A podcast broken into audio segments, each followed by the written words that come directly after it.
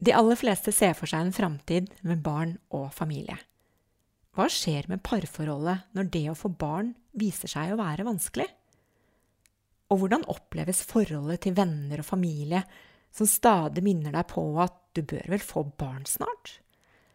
Og hva gjør en voksen kvinne når livet må defineres på nytt fordi ingenting ble slik hun hadde planlagt og håpet? Dette kan du lese mer om i boken Barnløs Boken kan bestilles i bokhandelen. Du kan kjøpe den portofritt på barnløs.no. Og hvis du sender meg en e-post, så kan jeg skrive en hilsen til deg i boken. Da sender du til boken barnlos i ett ord at gmail.com.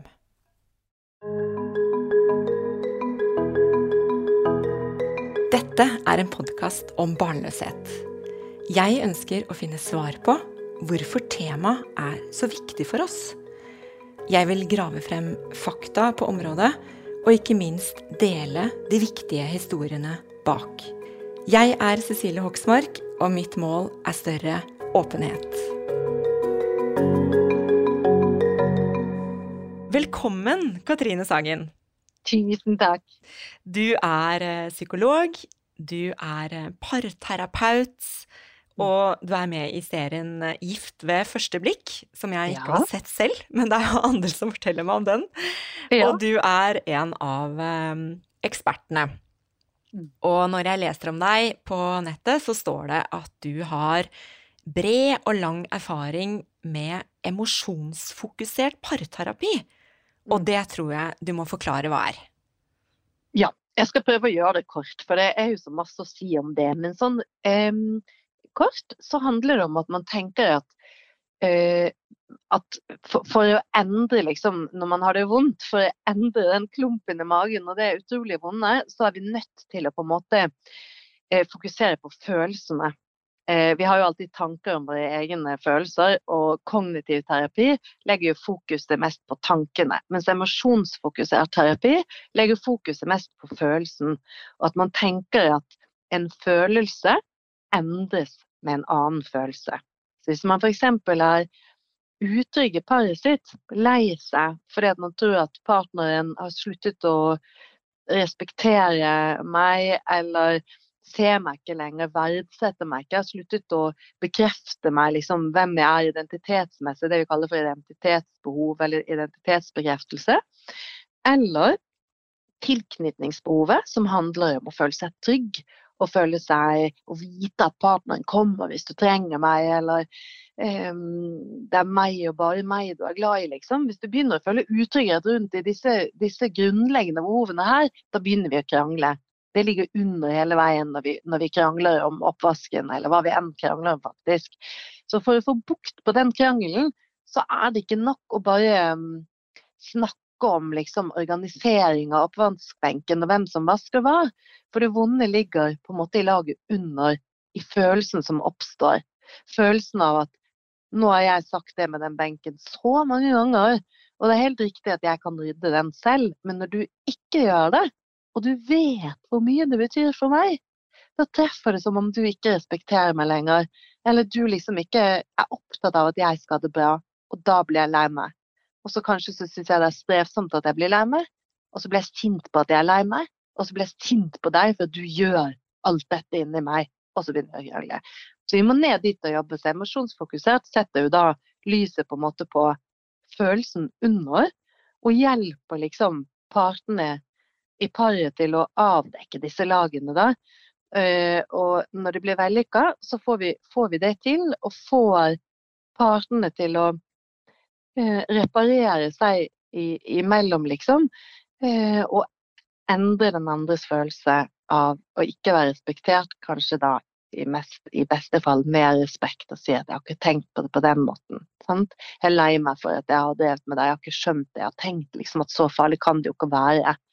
Eh, at jeg legger den smørkniven på benken. Men jeg ser jo nå at det handler om noe mer. Jeg er lei meg for at jeg sårer deg. Ikke sant. Ja. Vi skal snakke mm. mer om uh, paret litt senere. Ja. Men jeg tenkte at vi først må snakke om det å være isolert. Og det er en grunn til at vi nå snakkes på telefon. Eh, vi lever jo en tid eh, med isolasjon for alle sammen i disse koronatidene. Og hvilke tanker har du om hva denne isolasjonen gjør med oss? Mm. Altså, det er jo Det er jo, altså, det er jo ekstremt, det vi står i nå, rett og slett. Og det er i, i både i landet vårt og i hele verden, så driver vi med denne mobiliseringen nå, denne isolasjonsmobiliseringen, i hvert fall de landene som har mulighet til det, for å beskytte oss mot koronaviruset. Og det er noe de fleste av oss her i Norge i hvert fall ikke har opplevd før. Så det er, det er en ganske stor påkjenning. For isolasjon er noe sånn generelt mennesket ikke liker. Sant? Det er en grunn til at fengselet handler om at straffen er isolert, at vi blir isolert. ikke sant? For vi, vi er flokkdyr, vi mennesker. Og vi, vi, trives, vi, vi, trenger både den lille flokken vår, vi trenger den utvidede flokken vår. Og akkurat nå så, så, så, må, vi, så må vi på en måte eh, komme i kontakt med den utvidede flokken vår på andre måter enn vi er vant til, ikke fysisk møte. Og den isolasjonen den treffer oss ulikt, og det ser vi veldig tydelig nå når det er så ekstremt. Og på ytterpunktene så har vi eh, den på en måte gjengen som opplever dette som spennende. Som ganske så spennende, faktisk. Som en utfordring eh, å kjenne på fellesskap. Både sånn i nabolaget, men også i hele Norge, i verden. Og kjenne at nå står vi sammen mot en felles fiende. Og dette skal vi klare, liksom. Mens på, andre på, det andre ytterpunktet har vi mer den gjengen hvor panikken bare kryper seg inn under huden, og man kjenner seg helt alene og maktesløs og eh, avsondret fra, fra, resten av verden og Norge og gaten, og, og bare kjenner at jeg, dette her, her syns jeg er skummelt, og jeg føler meg sårbar, og jeg vet ikke hvor det skal ende. Og jeg skjønner ikke hvordan vi skal løse det. Og det eneste jeg klarer å tenke på, er at jeg ikke helt vet hvordan lønningen skal komme inn de neste månedene. ikke sant? Og så er det jo masse gråskaller mellom disse ytterpunktene, og vi alle kan føle på, på, på, litt, på litt, av hvert alle sammen, tenker jeg. At det er liksom veldig sammensatt. Men vi må huske se, Vi ser jo liksom, liksom der, den ulikheten kommer frem. Så Um, grunnen til at det er sånn, jeg kan si litt om det òg, det, det, er liksom ikke at man velger det ene eller det andre. Eh, det, og det er ganske sammensatt. Det er liksom dette når vi krangler om er det arv eller miljø, eh, og svaret er begge deler. Nå er vi midt i midt akkurat der. Det handler om predisposisjon når vi har med oss, eller genene våre, det vi har med oss når vi blir født.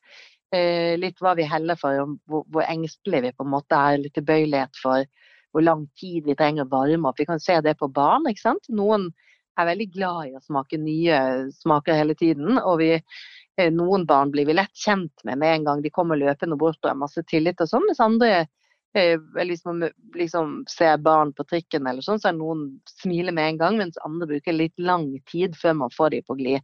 Så det, det, er liksom det vi kaller for temperament, det er medfødt. Og så um, har vi læringshistorien vår. Eh, oppover i livet hva vi, hva vi har opplevd, og hvordan vi på en måte har blitt møtt, og hvordan vi har um, fått hjelp til å forstå og håndtere følelsene våre. Så du, hvis du er en som har vært mye redd, eller opplevd veldig mye vanskelig, eller blitt skammet når du har vært redd, eller fått beskjed om at du skulle ta deg sammen, eller følt deg alene, veldig mye alene mens du har vært redd, f.eks. Som, som liten, um, så, så, er det sannsynlig at du lettere, ha en lettere tilbøyelighet for å tolke ting som litt skummelt oppover også i, i livet ditt, eller litt engstelig. Sånn. Det er litt enkelt forklart dette, men, men det er litt sånn grovt sett, da. Liksom både det der eh, som er medfødt, og hvilken læringshistorie eller, eller sånn, som avgjør hvilke skjemaer som aktiveres når du opplever noe. Lang ja. forklaring. Nei, Lang det var fint. Det var mange fine ord jeg har sittet og tenkt. Eh, og jeg kommer tilbake til eh, kanskje jeg kan si tema, fordi jeg har lest en del om resilience, eller motstandsdyktighet. Og det har jeg tenkt å lage noen egne podkaster på. Eh, for jeg har jo et håp om at selv om vi bærer med oss eh, noen gener og en oppvekst, så kan det hende at det er noen ting vi kan gjøre. Så det skal jeg eh, Mm. ha noen flere episoder Ja, på. kjempefint. Fint, eh, fint tema. Og, og ehm, det er absolutt ting vi kan gjøre. Og vi, vi, er ikke, vi er liksom ikke dømt, selv om vi har hatt en tøff, tøff oppvekst. Det kan være at det blir litt tøffere. Det er litt, en litt mer kamp for å komme på det trygge stedet, men samtidig så er overhodet ikke dømt for alltid. Mm. Eh, Det er godt å høre. Mm. Du, vi må eh, hoppe til videre videre til disse eh, parene. Eh, og jeg har jo skrevet ned her da, at det er jo de parene med en konflikt eller en uoverensstemmelse som på en måte kanskje er eh, Som møter denne tiden her og opplever en større eh, prøvelse med denne isolasjonen. Og hvis jeg skal knytte det sammen med tematikken i podkasten, som er barnløs på godt og vondt, så er det helt sikkert mange par som har vært i en, en periode som har vært slitsom. Kanskje de nå opplever at behandlingstilbudet det kuttes på ubestemt tid. Det er noe der som eh, gjør dette vanskelig. Og hvordan tenker du det er som par å leve så tett på hverandre? Mm. Jeg tenker at um, Jeg tenker masse. Jeg får veldig vondt av den, den gruppen som du snakker om akkurat nå. Eh, blant annet den gruppen. Sant? Fordi at ehm, det, det er tøft. Det, det er så utfordrende i seg selv, uten noe korona. Eh, Å gå og vente på det barnet som på en måte bare ikke kommer, liksom. Sant? Og, at, eh, og så skal vi liksom få dette her på toppen. Så jeg skjønner at, at det da kjennes bare helt ja, men helt uh, ulevelig urettferdig, og det er det også. Det er jo urettferdig, rett og slett. Det er jo bare skikkelig vondt. Så jeg skjønner at det legger seg kanskje som en sånn tåke, ekstra tåke over, over de parene kan gjøre. Så her gjelder det sånn virkelig å stå sammen og løfte hverandre på en måte ut av det vonde på en eller annen måte ved å Da må man ofte sette ord på litt av det for å få det til. da. Eh, Å kunne snakke om og si jeg er, jeg er sint på koronaviruset, jeg hater det forbanna viruset som kommer nå og ødelegger for oss. For tenk om det liksom var akkurat nå det skulle skje. Sant? Og trøste hverandre i det. Få lov til å rase litt og være sint på det viruset. Sånn at man ikke blir sint på hverandre. For det er ikke dere to som er fiender nå, det er det dumme viruset som er fienden, på en måte. Og så det urettferdige at det er så inderlig ønsker barn, og at det liksom er vanskelig og trøblete å få til. Og heller ikke Det er jo ikke noe ikke sant? Det er veldig lite kontroll eh, for disse parene i den drømmen og ønsket om å få, eller ønsket om å få kampen om å få det barnet. ikke sant? Så er det så mye usikkerhet der allerede. Man har ikke kontroll over det selv om vi gjør alt som står i vår makt til å liksom få det til og legge alt til rette, så vet vi ikke om på en måte det kommer til å skje likevel. Og så skal vi i tillegg ha liksom enda større tap av kontroll på hele hverdagen og livet nå, med hvordan det skal bli fremover, hvor lang tid det skal ta før det blir noenlunde normalt. Så jeg tenker at det er en sånn Ja, men det, det er virkelig utfordrende å stå i. Mm. Og tenker du, mm, hvis vi på en måte generaliserer dette mer, at vi tenker på Mm. det som en eh, eh, Noe som paret sliter med, da, så kan jo det være Mm. veldig mange eh, situasjoner eller ting som har gjort at paret har nylig vært igjennom en periode og så kanskje står oppi noe. Mm. Og så lurer jeg da på hvordan det er å skulle bli stengt inne. Det er et sånt Mm. sosial eksperiment, dette her. Stengt inne, lukke døren, eh, ikke snakke med noen andre enn på telefon. Og så skal man være så tett, og så skal man Mm. ha en konflikt oppi Mm. det hele. Det er kjempevanskelig. Sant? Så det er, det er Det ene er å liksom hjelpe hverandre å sortere litt. Og det kan man gjøre selv også. Skrive opp, sortere litt. Hva er det liksom konflikten eh, handler om, og hvilke følelser utløser det i meg? Sånn? Sånn at man har liksom konflikten på ett ark. Eh, og så kan man kjenne har jeg mer som bekymrer meg nå, som er mer koronaarket. Situasjonen eh, som vi er i nå. Og liksom prøve å sortere litt de ulike delene som jeg bekymrer meg over. Hva er den klumpen i magen? Sånn at ikke alt plutselig blir den konflikten. Alt som liksom kjennes vondt, er ikke den konflikten. Mye av det er nok det. Sant? Eh, sånn at man liksom ja, men får sortert litt. Det kjennes veldig godt ofte å få, få, um, få delt opp, rett og slett. Sant? Og så i paret, dette, om det så er dette med, med ønske om barn, eller om det er andre ting eh, som handler mer om disse ja, det vi kaller for konfliktmønstrene, eller konfliktdansen, eller dette som vi alltid krangler om. Ja, min mann har en sånn som har kommet opp mange ganger i denne Eh, karantenen eh, allerede, som handler om rydding og struktur. Sant? Hvor han er mer ryddig og strukturert enn meg. Um, eh, som da lager mange slags ulike krangler. Sant? Både sånn hvor vi liksom hakker litt eller krangler litt, eller, eller sånn, men hvor det blir mer, plutselig også blir mer alvorlig. Liksom, hvor han bare ikke orker å ha det så rotete. Og hvor jeg ikke orker at noen skal At jeg liksom opplever at jeg får kritikk hele tiden for alt mulig. Så da må vi sette oss ned. Så det har vi gjort noen ganger. Vi har gått ut på balkongen, og vi har, liksom, vi har fire unger her inne også, ikke sant? så det er noe med det. Og så prøver vi liksom å koke ned til hva det handler om. Ja, men vi kommer til det her utholdelige ved at vi ikke liksom vet hvor lenge det skal vare, og at jeg er så rotete, og at jeg syns at han er så liksom så petimeter, da. Og så finner vi funnet en eller annen. Vi har landa det, liksom. Det, han er nødt til å holde litt mer rot, og jeg må ta meg mer sammen. Og så er vi på noe sånn middelsted hvor det ja, men nå har jeg landa litt, liksom. Men vi vet jo også at vi har den her. Vi vet den triangelen kommer ofte opp. Sant? Han blir litt stram i fjeset. Jeg blir litt redd av det. Eh, og så begynner jeg enten liksom å bli stram tilbake, eller begynner å krype og bli sånn rar.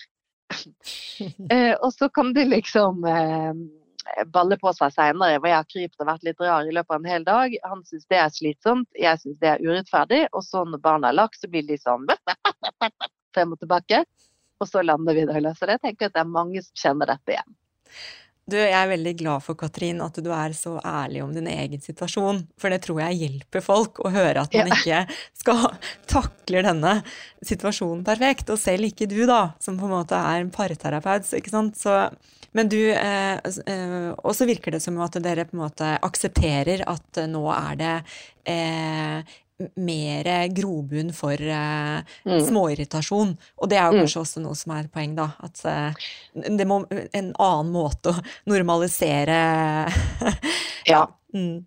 Men det, det, og det tror jeg er et veldig viktig poeng. Det der, og det, det øver vi oss også på. Å prøve å stoppe litt før, eh, og ikke dra den helt ut, men også liksom avbryte litt, rett og slett. Og da sier du sånn det jo, Dette vet jeg om funker for alle, derfor må man prøve seg litt frem. Men vi sier sånn Nå må jeg ha en liten pause fra det her. Nå klarer ikke jeg å møte deg. Eh, nå klarer jeg, dette klarer jeg ikke. Og så går en av oss eh, til et annet rom, eller en av oss går litt ut, og så kommer vi tilbake til hverandre. går den som den som har tatt initiativet til å gå, er den som har ansvaret for å komme tilbake. Sånn er det vi gjør det. Så hvis jeg trenger en pause for jeg merker at jeg eh, blir urimelig, og krangelen eskalerer til et sted hvor jeg begynner å kjenne at dette her, dette her er ikke bra, liksom. Um, og nå prøver vi å få på den bremsen så fort som mulig. For vi, vi, vi, har ikke, råd til å drive med de kranglene. Det gjør for vondt, og det er for tett. Så da det, øver vi oss på å få på den bremsen litt fort. Og så går en av oss litt ut, kjøler ned hodet, roer ned reka, som det heter. Går tilbake og sier du, dette her blir dumt. Det er den samme krangelen. Um, jeg er klart å bare legge det vekk. Jeg, vet at du trenger at jeg rydder litt mer. Jeg skal skjerpe meg, um, sier jeg kanskje. Sant? Og så sier da min mann, som er den flinkeste av alle, kom her. Klemmer han meg, for han vet at jeg trenger det. Så sier han at dette går så fint. Jeg kan også tåle litt rot. Vi slutter med det her nå. Og så er vi ferdig med det. Og så, og så, klemmer vi. Og så er det liksom det. Og så setter vi det litt på Vi, det, det ikke, vi trenger ikke å drive timevis i detaljer hva det handler om. Vi prøver liksom å ja, men vi setter det litt vekk akkurat nå. Og så får man heller liksom I går så kranglet vi om noe annet, og da var jeg sånn Dette her må vi ha parterapi på. Han bare ja, dette, får vi, får vi, dette må vi gå i terapi for. Nå tar vi det på pause. Vi gidder ikke å snakke om det mer. Dette her blir etter koronaen. Og så lo vi. Og så er det sånn, vi får se om det kjennes like viktig da. Og gjør det det, absolutt, da går vi i terapi for det der. Hvis ikke, så eh, har det løst av seg selv. Vi får se. så det er bare Man kan utsette litt. Vi trenger ikke å gå til bunns med alt nå. Vi har ikke plass til det, liksom. Så vi må, vi må prøve å tåle hverandre nå. Og det er, som du sier, et slags eksperiment. Og det er også en, eh, en, det er en unntakstilstand. Det kommer til å gå over. Sant? Men vi må øve oss nå. Vi må tåle hverandre. eh, Hverandres ulikheter, rett og slett. Og så må vi øve oss på å bli, bli venner fortere. Ja. Mm. Og nå har det jeg jeg ja. en annen, eh, en annen gruppe i tankene som kanskje kan være litt um, misunnelig på denne kranglingen og denne verandadiskusjonen hvor det står et par. For det er jo veldig mange som lever alene, Mm. og som er um, La oss si at vi sier at det er de single, de bor Mm. alene. De hadde jo kanskje sett for seg nå at eh, vårsola tittet fram, og de skulle ut og på jakt etter denne livspartneren. Mm. Og så stopper jo hele dette opp. så stopper det opp. Snakk om urettferdig. Da er vi tilbake til det hvor det bare er helt sinnssykt urettferdig. Det er urettferdig. Og jeg skjønner det er skikkelig dritt. Man blir liksom snytt for hele den der eh, perioden hvor på en måte eh, naturen vår spiller med biologien vår, hvor det er vår i luften og vår i sinnet, og hvor det kribler overalt og knoppene brister og vi vil ut. Man blir snytt for den, ser det ut som, rett og slett. I hvert fall ute in real life. Mm. Mm. Og der er vi jo litt Det er det der med at vi nå bygger Vi, bygger, vi, er, vi må ikke bygge den digitale verden. Heldigvis. SoMe fins. Heldigvis har vi sosiale medier, vil vi si nå. Nå må vi bruke det. Nå må vi bruke det litt lurt. sant? Så jeg tror man må begynne liksom å tenke også at verden eh, er mye nå på en måte på internett for oss. Vi er nødt til å utnytte, utnytte den bedre. Søke på Facebook. Prøve å på en måte Man kan lage selv grupper på, for oss som liker oss et eller annet. Ikke sant? Eller prøve å melde seg på, på, på i sånne samfunn. Og det mener jeg. Det, det florerer jo av de nå. Det er jo ikke alle som blir invitert til de gruppene, for de er jo liksom lukket og sånn. Så sitter du og er en del av de gruppene, så må du invitere de du kjenner, og også de du ikke kjenner så godt som er Facebook-venner, som du liksom kanskje til og med vet at er singel. Inviter inn til disse forumene. Så, for det, det er plattformer hvor man kan ja, melde seg litt inn. Nerde på noe man syns er gøy. Eh, om det er mat eller kunst eller bøker eller tegneserier eller filmer eller hva det er. Det finnes ulike sånne grupper. Um, og så lik bilder, prøv å lag, liksom få nye kontakter på en måte. Det er, det er et annet sted å lete enn Tinder. Mm. Ja. Så det kan man gjøre. ja. Invit, ikke sant? Invitere til, eh, invitere til uh, digitale kaffer og alt dette her er noe vi snakker ganske masse om, eller jeg gjør det i hvert fall. Og jeg, I begynnelsen snakket jeg bare om det, for jeg syntes det var, hørtes koselig ut og var lurt. Og nå har jeg begynt å gjøre det også. Og det er kjempefint! Eh, sånn, som sånne venninner som jeg ikke liksom rekker å se og ikke kan se nå. Plutselig så bare tenker vi ja, men vi kan jo facetime. Den lille liksom tre minutteren istedenfor å liksom sende en melding, så gjør vi litt det. Hei, hei. Hei, hvordan går det? Kjempestressa, kan ikke snakke. Se på dette berget med Altså, jeg kommer ikke inn på badet, for det er så masse å vaske, eller se hvor ryddig mine skap er, for nå har jeg ryddet de 100 ganger, så her er det ikke mer å brette. Eh, nei, ser dem, liksom. Sånn for en annen venninne som går på tur med en annen venninne, men over telefon, over FaceTime. Det har ikke hun tenkt på, hun sa hun er veldig glad i å gå tur, da. Og så har hun, bor hun eh, et sted hvor ikke vi andre bor, så, eh, men så har hun noen turvenninner der ute. Men nå har hun begynt å invitere oss til å bli med henne på tur, det har hun ikke gjort før. Men det er jo kjempegøy. Særlig for meg, som eh, syns av og til det er litt eh, Syns det er deilig å være inne. Nå kan jeg sitte inne, og så kan hun gå ute på turen og vise meg skogen. Og så er jeg liksom med, og så kan jeg snakke. Det er en veldig deilig form for mosjon. Ville du vil, Tenker du at um, eh, at den kommunikasjonen som man kan ha eh, via FaceTime, hvor man kan se personen, men ikke være i samme rom, tenker du at den kan ha eh, den samme tilsvarende den samme nytten som det å faktisk være fysisk sammen? Ja, jeg gjør det. Jeg gjorde ikke det før. Før har jeg alltid tenkt at det må være ansikt til ansikt. Men nå har jeg lest en del fordi at, jobber, fordi at hele kontoret mitt har, har jo, vi har jo digitalisert si, praksisen vår og har en godkjent uh, av de Det er ganske strenge taushets... um, og journalføringsregler og sånn, så det er noen plattformer som er de, de digitale som er godkjent der. Uh, sånn at vi har eh, videoterapi. Alle psykologene våre på kontoret har, tilbyr det nå. Både for par og for, inn, for enkeltpersoner. Så, så, Derfor har jeg måttet lese en del også om eh, studier og forskning nettopp på videoterapi, hvor de viser at det er like god effekt på den type terapi som, som vanlig, tradisjonell terapi. Sant? Så det vil jo det tenker jeg må ha en slags overføringsverdi til vanlige menneskemøter også. Sant? Men selvfølgelig, hvis man driver med dating, så, og, og, man, og altså man kan jo ikke ligge sammen over video, liksom. Man kan jo sikkert gjøre andre ting og se på hverandre. Det kan være noe seksuelt likevel over video. Men, men, det er jo ikke det samme, ikke sant. Det er det jo ikke. Og man får jo ikke, når man skal date, man får jo ikke tatt på hverandre, man får ikke luktet hverandre, man får ikke vært nær på samme måten. Så det, det, jo, det vil jo aldri bli helt det samme, ikke sant. Eh, så akkurat når det gjelder dating, så trengs også det ekte møtet. Men jeg tenker på noe av det sosiale nettverket, den sosiale omgangen. Der kan man få veldig mye nærhet gjennom video, rett og slett. Sant? Men berøring, det trenger jo mennesket. Vi trenger det. Sant? Den er ikke så lett å få i dag, og den er veldig vanskelig og umulig å få for en del akkurat nå. Og, og det her høres jo kanskje litt sånn tullete ut, men jeg mener at i dag, i den situasjonen vi lever i nå, så er vi nødt til å stryke oss selv en del på kinnet. Vi må bare gjøre det. Vi må stryke oss på kinnet og stryke oss over armen, rett og slett, fordi at vi trenger det. Ja. Mm. Og det hjelper. Det roer ned hele systemet vårt. Og blir, er vi engstelige, eh, så, så stryk deg selv. Stryk deg selv og nynn litt. Lukk øynene, nynn, nynn en sang og stryk på deg selv.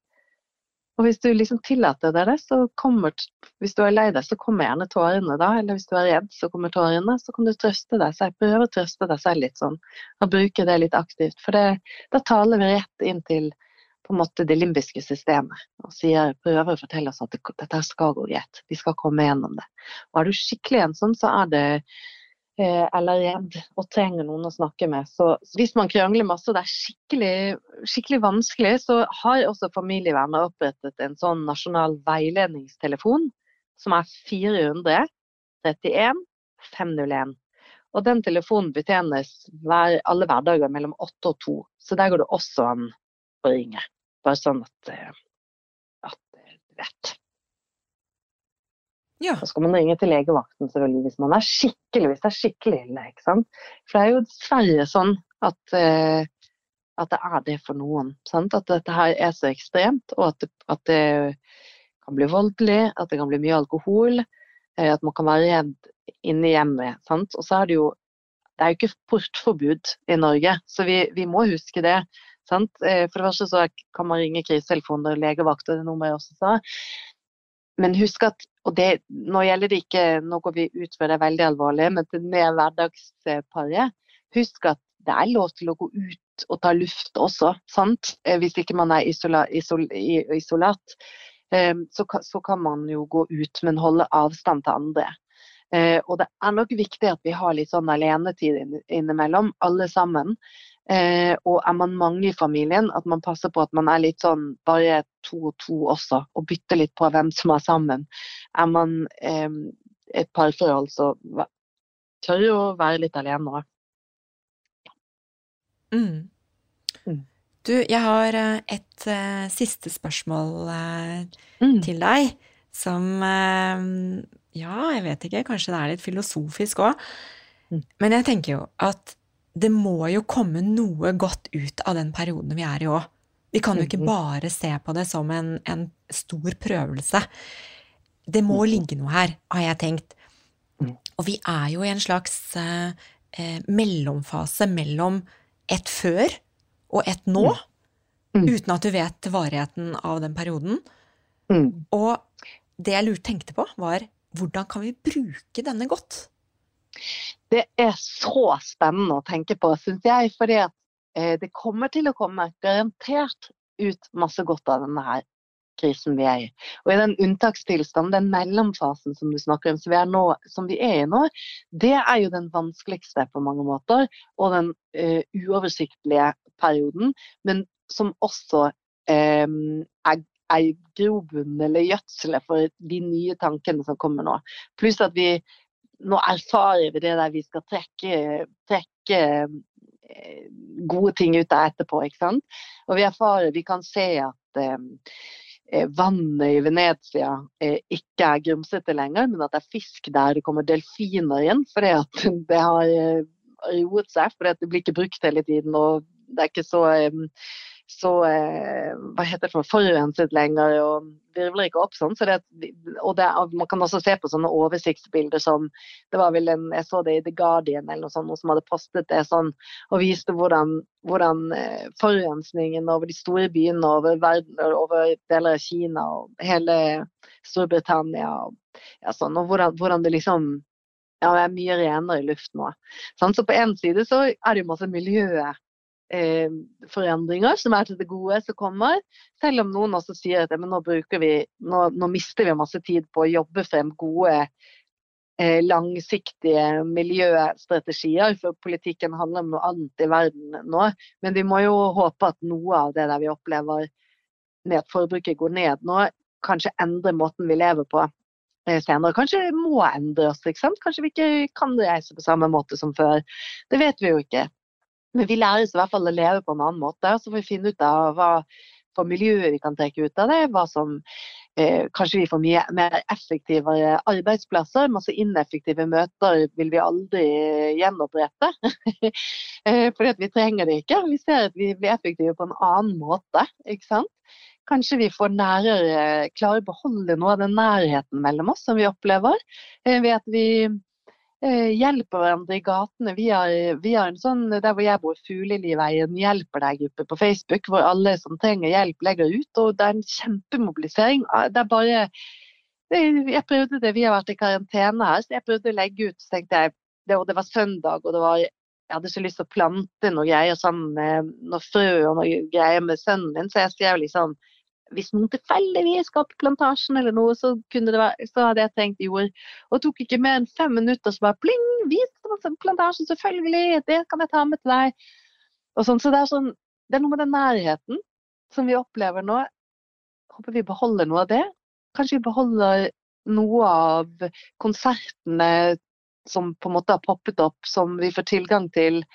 Eh, og at vi blir vant til å betale via VIPS og jeg vet ikke. Det er kanskje mer jo, tillit. Vi opplever en annen grad av tillit, kanskje. Eh, som kanskje vi klarer å beholde på. Beholde, eller disse ja, med nærheten til, til de nettverket, eller det måten å ta kontakt på som man kanskje ikke har turt før, men tvinges til å gjøre noe, som kanskje forblir. Det at vi må øve oss på å være tett på og tåle krangler litt bedre og bli flinkere til å reparere, som vi snakket om i sted. Kanskje det er noe som har kommet for å bli? Ja, og jeg har ikke oversikt. Det er uendelig mange andre ting, og sikkert mye større, viktigere ting òg. Ja, men det syns jeg var fine ord. Jeg vil gjerne takke deg, Katrin, eh, for samtalen, og så håper jeg vi en gang kan ses ansikt til ansikt. Ja, det håper jeg, og tusen takk for at jeg fikk komme. Eh, og, eh, og, og, og snakke med deg, og vil gjerne komme en annen gang eller møte deg for en kaffe. Så hyggelig. ha det godt så lenge.